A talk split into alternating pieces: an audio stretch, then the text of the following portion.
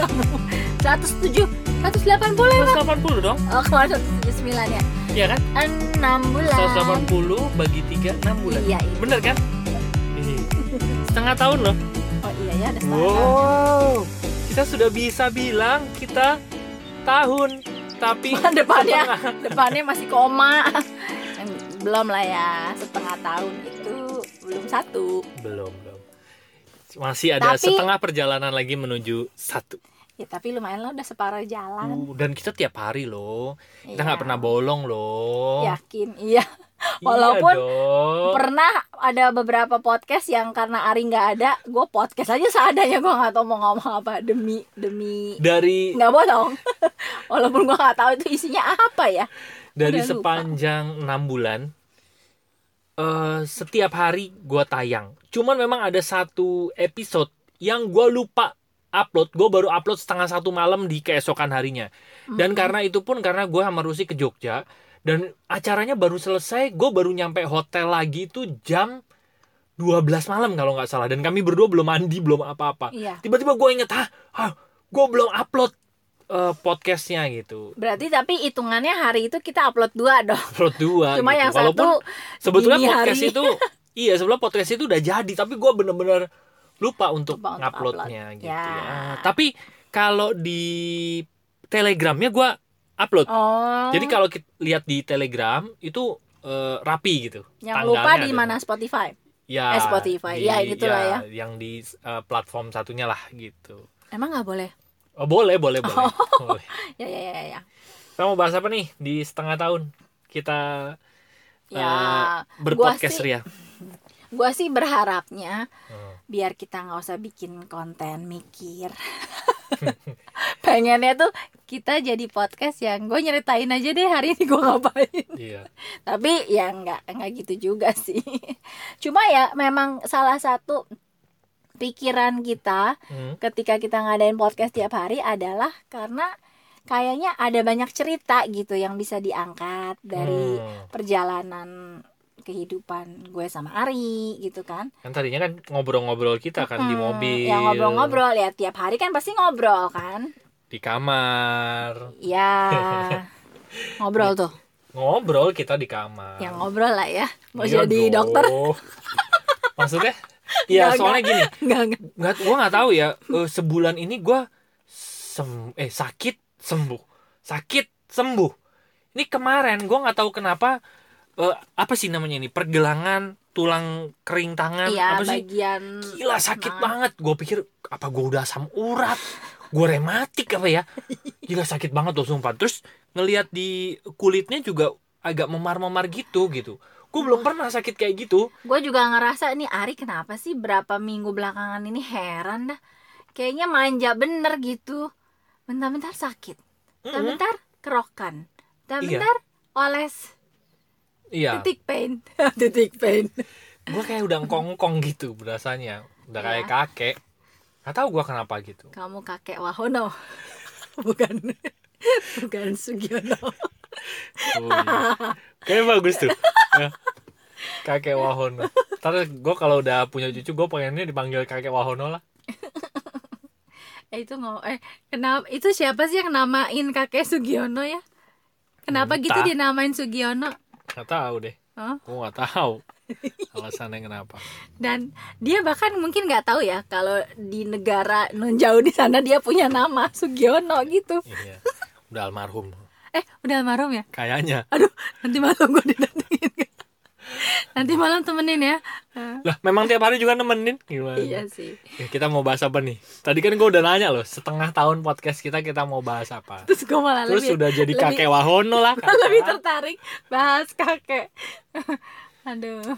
Ya eh mau cerita refleksi aja dikit sih. Hmm? refleksi Pijit maksudnya? iya tuh kan. Refleksi tapi nggak nggak ini kok tenang aja. Eh, hari ini kan ceritanya si Koko si Liel Mm-mm. ikut eh, lomba lah. Perlombaan iya. Lomba spelling. Nah ini tuh terus? Terus eh, pakai b nggak spellingnya? iya mau pakai ya terus? spelling tawon. Oke Nah, ya Eh, dia tuh awalnya kayak maju mundur maju mundur karena cantik nggak? Maju mundur jadi gue tuh rada gemes sebenarnya. Hmm. Sebagai emak-emak gitu bahwa karena gue ngelihat dia tuh bisa cuma kayak Iya. dia tuh nggak tahu kenapa nggak mau aja gitu Iya, nggak mau benar. tampil nggak mau lain-lain kayak betul gitu betul jadi kadang-kadang gue ngerasa kayaknya dia perlu di dorong bo- eh, perlu didorong perlu di apa ini ya dibangkitkan kepercayaan dirinya Iya. perlu di gitu. stimulus ya nah Ya. gue juga nggak sengaja baca iklan spelling bee ini di FB terus akhirnya ya udahlah gue iseng gue nanya sama anaknya awalnya dia mau, mau. Terus mau gua- sih? Awalnya bukan nggak mau. Awalnya mau, mau. terus udah gue daftarin gue mau daftarin terus dia bilang e, Mimi enggak deh nggak jadi deh kok nggak mau? katanya. Ah oke lah kalau orang anaknya nggak mau ya udah gue nggak jadi daftarin. Eh selang berapa hari dia ngomong lagi mi boleh deh koko ikut. Ya kayak gitu kan maju mundur maju mundur berarti kan harus emang dijorokin sekalian gitu Hmm. kan. Oke deh biar dia nggak berubah lagi udah langsung deh gue gue bayar lah gitu. Iya. Terus pas harinya juga dia masih yang gimana ya? Kayak nggak bersemangat gitu. Tapi ya udah. Udah sih ik- apa ikut aja. Anggap aja main game. Ya enjoy enjoy aja. Happy pengalaman baru. Kamu jadi tahu kompetisi di luar sekolah tuh kayak apa kayak gitu gitu kan. Terus akhirnya dia ikut. Terus masuk final eh masuk semifinal dulu Hmm. ya kan? Tapi masuk semifinal sih ya udahlah kan memang 70% masuk gitu ya udah dia masuk terus dia mulai ngeper pi pas tahu eh, abis ini yang final yang masuk berapa terus kan final yang masuk 10 orang gitu terus Jadi dia total, ngitung nah, total eh, peserta angkatannya dia ya, kelasnya dia itu kurang lebih 100 berapa gue lupa ya. mm-mm. 100 kalau semifinal aja 77 berarti sekitar 100 berapa? Ya pokoknya Banyak lah 100 lebih lah ya. gitu. Tapi nggak nyampe 150 kayaknya. Mm-mm. Nah, terus Ya, terus nah dia mulai ngitung, wah berarti kalau mau masuk final yang cuma kepilih 10 orang, 67-nya bakal pulang gitu. Kayaknya dia Hmm. ngelihat kayaknya aduh, kemungkinan gue kecil ya, cuma ya udah gue sama Ari ngomong sama dia lagi. Udahlah nggak usah pikirin angkanya gitu. Yang penting kamu lakuin aja. Eh, pokoknya ya enjoy, relax, do your best lah gitu. Hmm. Sudah tuh. Terus udah pulang eh udah selesai beres. Terus ternyata berapa jam kemudian ketahuan dia masuk gitu kan. Dia masuk final ternyata. Dan gue bilang sama dia apa tuh kan don't underestimate yourself gitu. Gue bilang ke dia jangan. Kadang-kadang kita gitu nggak sih? Kayak mengunderestimate diri kita gitu. Kayaknya gue nggak bisa gitu. Kayaknya gue nggak bisa dan ternyata bisa kan gitu. Terus begitu masuk final dia juga yang udah apa kelihatan banget deg-degannya. Terus eh, di apa namanya di yang dua tes pertama itu kan tesnya nulis terus rame-rame. Tapi begitu final kan ngomong jadi eh, di panggung ngambil satu kertas random katanya kata yang didapat dia otomatis harus ngomong gitu kan. Nah itu tuh aduh koko nggak suka ngomong. Koko boleh nggak sih ikut yang nulis aja? Ya nggak bisa orang di yang di final begitu gitu. Nah dia sempat kayak ya udah deg-degan segala macam gitulah gitu. Terus akhirnya ya udah bisa gitu kan. Dia maju Hmm, terus akhirnya intinya singkat singkat cerita dia dapat juara tiga gitu. Hmm. dan gue bilang sama Ari gue tuh sebenarnya ya gue seneng anak gue menang tapi kalau di eh, dalemin lagi sebenarnya yang gue harapkan dari Liel adalah bukan cuma dia inget bahwa dia menang juara tiga tapi gue lebih pengen dia tuh bisa nangkep eh, momen di mana dia tuh mengatasi dirinya yang takut deg-degan nggak percaya diri sama Hmm. kemampuannya dan ternyata begitu dia mengatasi itu ternyata hasilnya di luar ekspektasi dia gitu karena Hmm. ya itu tadi mungkin dia mengunderestimate dirinya ternyata akhirnya dia ngelihat oh ternyata gue bisa ya Hmm. gitu dan itu sih yang Bener sih. lebih pengen gue harap Benar-benar. lebih masuk ke bawah sadarnya dia perasaan itu Hmm. gitu karena gue bilang sama Ari juga Kamu gua- perlu bilang sama dia. iya kayaknya perlu dikasih tahu eh, secara Sudut gamblang pandang itu gitu, Iya. bener. Karena kalau enggak dia cuma euforia aja this is my first trophy apa gitu-gitu Dapat duit kan. lagi. dapat duit dia udah udah mami kumpulin di mami ya catet oke lah, Oke. gitu. Dan uh, dia- gara-gara dia masuk eh, juara tiga, eh, bulan depan dia harus maju lagi ke kompetisi Yang nasional. nasional. gitu. Nah, dan awalnya dia nggak mau ya Iya, enggak kok nggak mau. Ih, gitu tapi ya akhirnya setelah kita bujuk-bujuk mau juga. akhirnya ya udah mau. Ya moga-moga nanti di yang kompetisi berikutnya dia juga makin belajar pengalaman baru ngelola Bener. emosi gitu. Nah gue bilang sama Ari gini gue jadi gara-gara hari ini gue jadi diingetin lagi seberapa sering ya gue dengan sengaja menciptakan momen memori positif buat anak-anak gue gitu. Karena kan di umur mereka yang paling nggak sampai 12 tahun lah ya itu Hmm. kan peran orang tua sangat dominan Benar-benar. untuk menciptakan Memori apakah memori positif dia. Iya. apakah kita lebih banyak menciptakan memori negatif atau banyak menciptakan memori positif dan itu sering kali kita kayak biarin aja terjadi dengan Iya. dengan ya mengalir gitu. Kalau lagi negatif ya negatif. Kalau lagi positif ya positif gitu. Tapi sebenarnya kan kita punya peran ya sebagai orang tua. Kalau kita udah punya visi gitu ya Mm-mm. gue pengen anak gue tuh punya uh, memori yang positif punya emosi yang tepat soal ini soal itu. Itu kan bisa dengan sengaja kita ciptakan gitu loh betul. dari kejadian sehari-hari.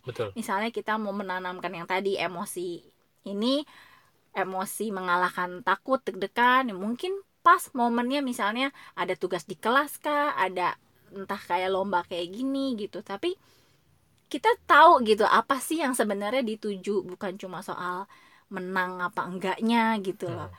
tapi eh, apa pengendalian pengendalian emosi di Ya. balik itu gitu Dan pada saat nanti dia dewasa, mereka mendapatkan mulai mendapatkan pelajaran-pelajaran kehidupan kan semesta biasanya suka Mm-mm, begitu tuh. mm-mm. Ya kan?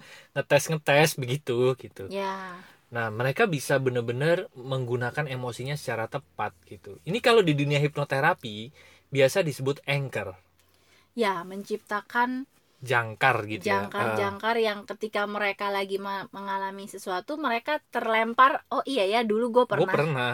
dan begitu, itu gitu, iya. selama ini anchor itu kebanyakan negatif Bener, putus Kayak- cinta denger lagu ini, tiba-tiba pas denger lagu itu keinget lagi memori putus cinta gitu. Ya. Tapi gue setuju sama yang Lucy bilang. Nah terus, ya kayak gitu jadi Iya, bener. gue jadi kayak disadarin lagi ya udah mumpung lu masih punya waktu bener-bener. eh, tahu dulu emosi apa sih yang mau kita bantu anak untuk bisa kelola. Dan kapan kita menciptakan Iya, eh, momen-momen di mana dia tuh bisa eh, nyimpen itu di dalam memorinya. Misalnya Betul. ketika jatuh. Nah itu ternyata apa emosinya? Oh iya ya kalau jatuh memang sakit tapi ya bangun lagi kayak gitu gitu Iya. kan hal-hal yang sederhana kan bukan yang kalau jatuh terus lantainya dikeplak gitu atau mejanya Iya. yang dipukul ya itu kan lain jadi men- lain gitu menyalahkan ya. se- selalu menyalahkan Nah. keadaan di luar gitu ya. dari hal-hal yang simpel aja sebenarnya peran kita sebagai orang tua tuh dominan banget gitu untuk eh, menanamkan sesuatu di dalam diri dalam memori anak gitu. Bener-bener bener. Gue jadi ngeliat oh iya ya kalau kita peka sama kejadian-kejadian, momen-momen itu sebenarnya semuanya tuh bisa kita pakai gitu. Kejadian yang nggak enak pun bisa kita eh, Olah. apa ya olah modifikasi gimana caranya kejadian itu justru bikin dia belajar Bener. akan apa akan apa gitu jadi eh gue jadi diingetin lagi bahwa jadi orang tua itu Bener.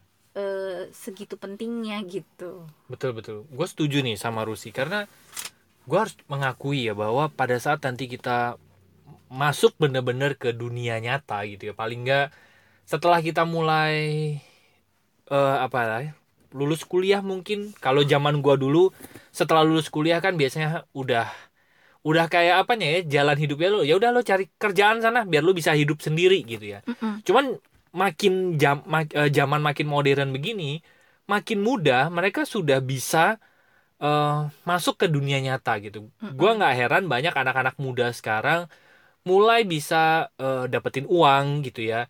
Terus mereka mulai berkarya gitu. Nah, menurut gue sih yang paling penting dalam pada saat kita berproses di dunia nyata adalah kemampuan kita menggunakan emosi yang tepat. Ya. Karena benar kata Rusi dan kemampuan kita untuk menggunakan emosi yang tepat itu bergantung sama memori kita gitu. Karena apalagi emosi itu kan hubungannya sama bawah sadar kan. Ya. gitu kan. Nah, Mm-mm. Kalau misalnya gue lagi sedih, gue harus ngapain? Itu bawah sadar semua tuh yang berperan gitu. ya Dan kalau kita nggak punya memori-memori, eh, memori-memori yang dulu gitu ya. Oh, kalau gue sedih, dari zaman dulu gue eh, kebiasaannya begini gitu ya. Eh, kalau itu nggak dibangun dari kecil, maka kita akan belajarnya pada saat kita dewasa. Dan itu perlu waktu lagi kita untuk apa ya membangun emosinya yang benar gitu. Gue pribadi itu cenderung juga tanda kutip terlambat. Karena gue harus mengakui juga waktu kecil gue nggak ada memori-memori begitu. Gue nggak pernah mendapatkan insight kayak Rusi cerita bahwa semua pelajaran dalam kehidupan kita itu yang diambil sebetulnya oh perasaan ini gue harusnya belajar emosi ini gitu. Bahkan kalau gue ber, gue waktu kecil malah sedikit banget berkompetisi. Nggak pernah malah gue berkompetisi karena dulu gue memandang kompetisi itu kalah atau menang Mm. gitu udah that's it itu aja gitu gue nggak pernah eh, belajar tentang iya ya bener kalau gue ikut kompetisi ini gue di situ belajar banyak eh, mengolah rasa loh gitu sebetulnya ya Ya. itu kan pelajaran mengolah rasa tuh pelajaran sebetulnya yang bener-bener kita pakai di kehidupan kita nanti gitu Ya. saat kita takut terus kita ngadepinnya gimana gitu. Kita mau kabur atau kita hadapi nih gitu. Iya. eh ternyata pada akhirnya kita hadapi eh ternyata pas dihadapi hasilnya tidak sesuai dengan kenyataan. Misalnya eh, kita lomba ternyata juara 100 misalnya Iya. gitu dari 101 peserta. Misalnya gitu nah. Juara dua itu dari bawah. dari bawah gitu. Nah cara kita menghadapi perasaan itu gimana gitu? Seringkali kita melupakan pelajaran ininya pelajaran mengolah rasanya gitu.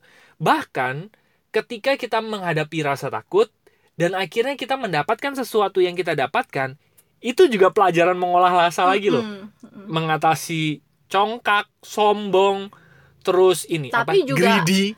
Tapi juga belajar untuk menghargai diri, diri merayakan betul. kemenangan, merayakan kemenangan gitu ya. bener. Ya it- itu kan sesuatu yang uh, perlu seimbang ya. Betul. Dan gue pribadi baru dapat pelajaran-pelajaran ini itu setelah gue umur di atas 30. Ya itu pun Iya kan? dengan itu pun dengan ongkos yang sangat mahal. gitu. Karena melalui kejadian-kejadian yang sangat menguras energi dan emosi bener, gitu betul, kan. betul, betul.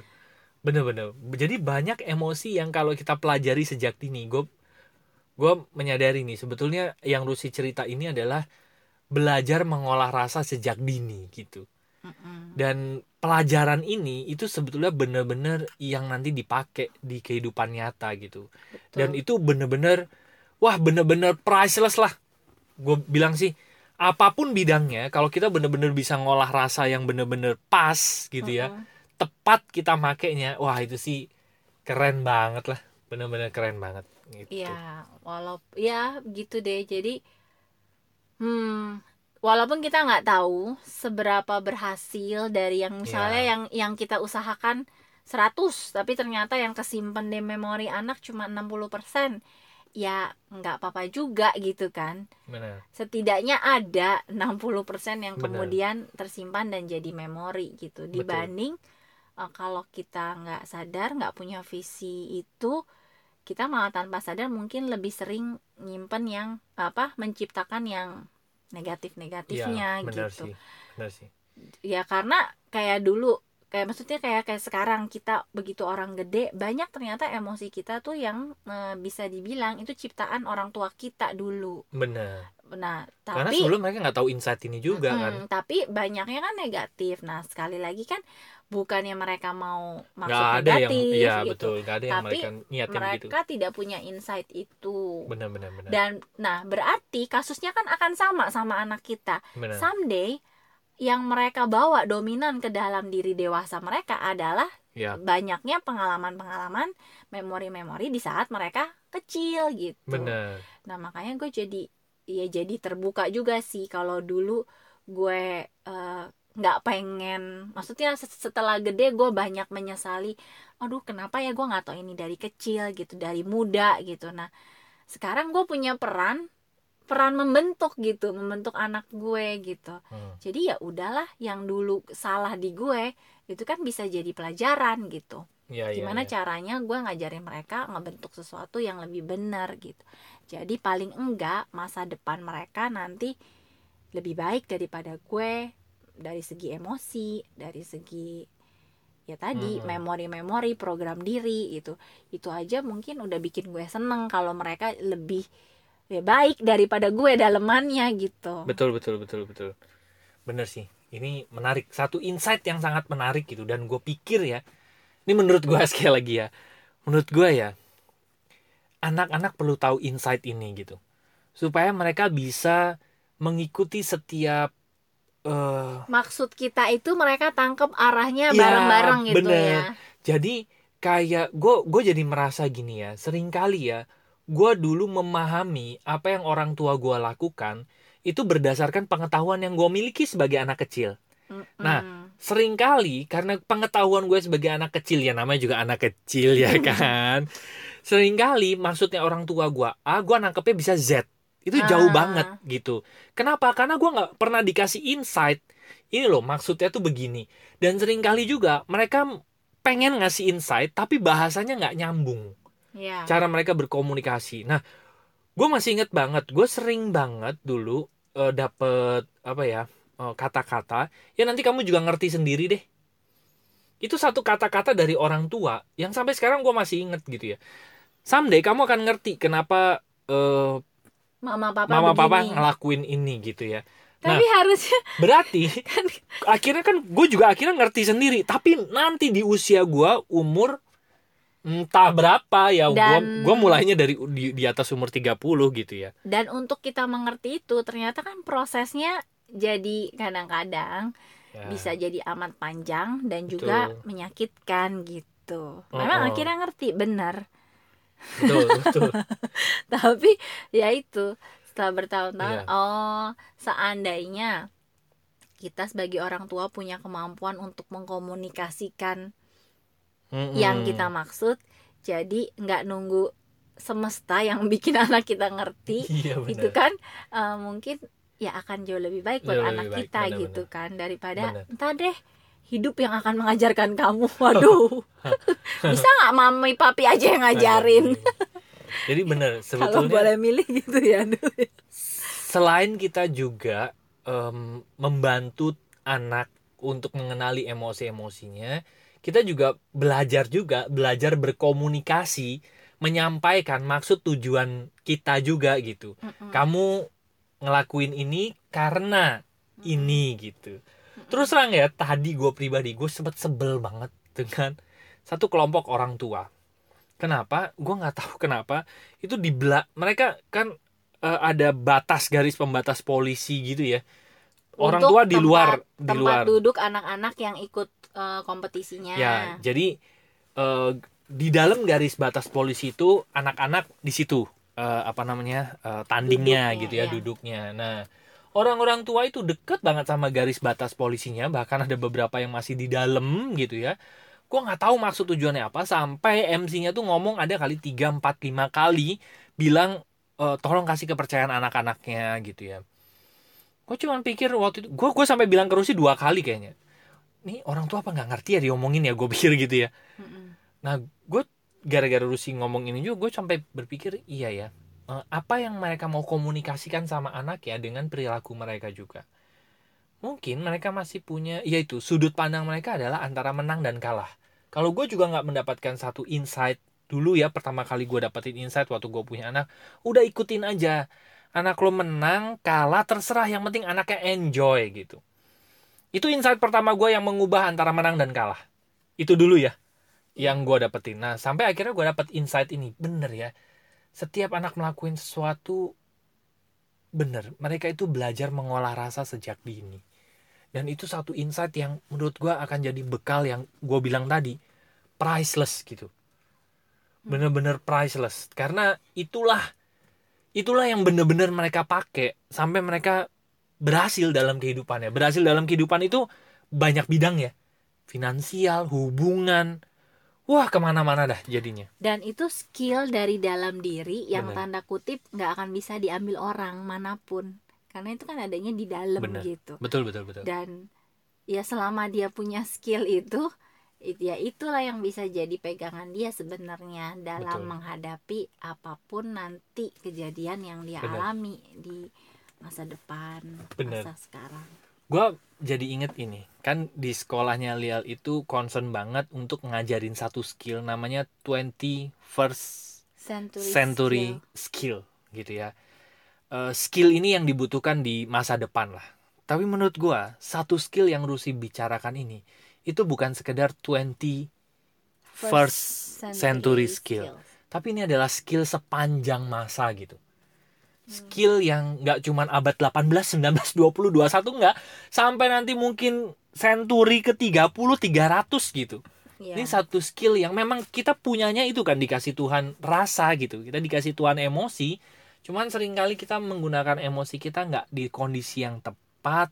Kita tidak mengeluarkannya dengan cermat gitu ya. Mm-mm. Kita nggak tahu cara ngolah emosi kita. Kenapa? Karena memang kita kurang pendidikan dan insight sudut pandang sudut pandang juga untuk kita bisa mengolah dan mengeluarkan emosi kita di saat yang tepat. Mm-mm. gitu. Ya, benar kata Ari tadi. Jadi gua harus ngomong ini sama Lia. Karena kalau enggak ya tadi.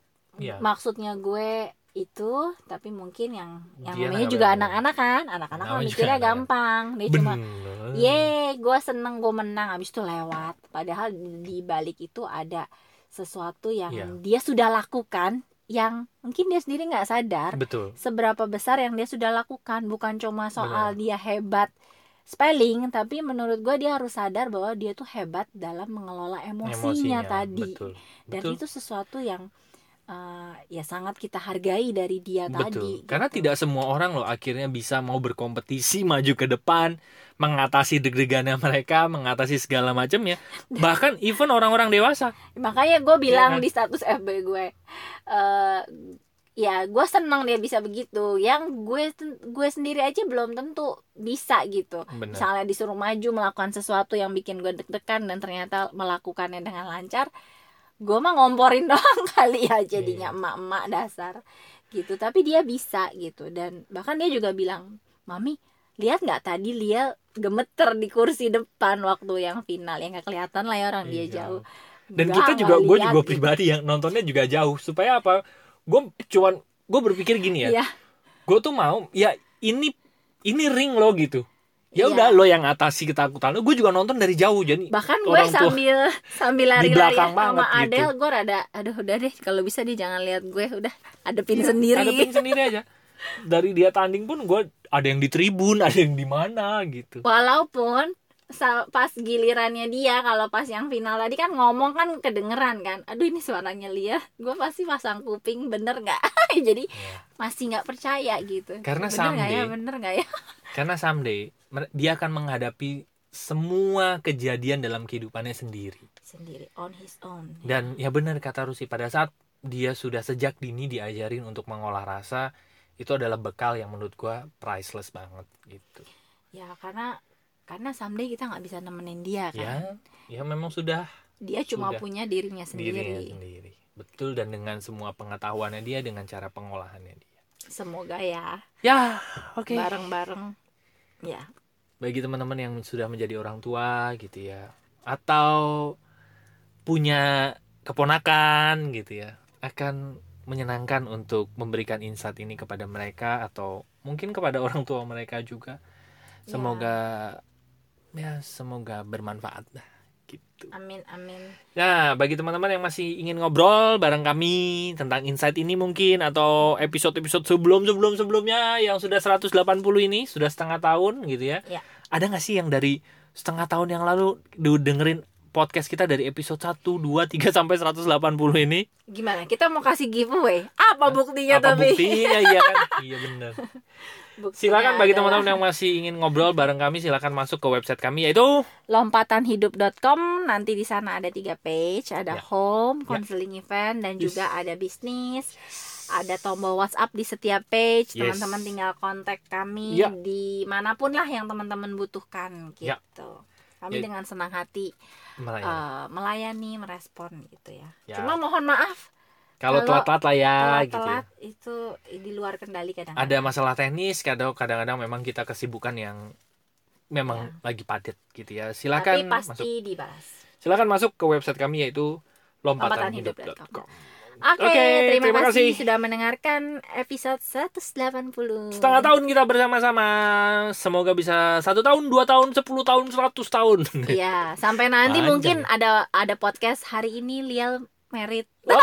Gila. Itu berapa tahun lagi ya? kayaknya gue podcast itu gue nggak bisa ngomong deh Dan hari ini ah, kayaknya kamu lebih lebih nggak bisa ngomong Iya. kalau Adele yang merit. iya iya kayaknya memang begitu deh Terus hari ini gue punya cucu. Gila berapa tahun lagi? iya sudahlah Itu masih masih zaman podcast nggak? ya? Kejauhan, prison. kejauhan. Iya. Setahun aja dulu kelarin Iya, ya. iya, ini baru enam bulan. Ini baru enam bulan. iya. Kalau kata Itu namanya bermimpi besar. kata nyokap gue apa? Eh, Mimpi masih jangan. masih jauh apa? Masih tangeh lelakone itu loh bahasanya apa sih? Apa? Gua kok ke Itu bahasa sini soalnya. bahasanya taunya nggak tange ya. bahasanya nggak tange. Gua taunya bukan tange. Aduh ya. Eh, bukan tange. Oh pakai S. Iya. Ngomong aja sih, harus gue yang ngomong biar puas. Yaudah dosanya gue tanggung, tanggung tanggung aja berdua dosanya berdua. Biar kita selalu ke mana-mana bareng. Itu adalah Itu. Oke, terima kasih dan sampai jumpa di episode berikutnya. Thank you. See you. Bye bye. bye bye, see you.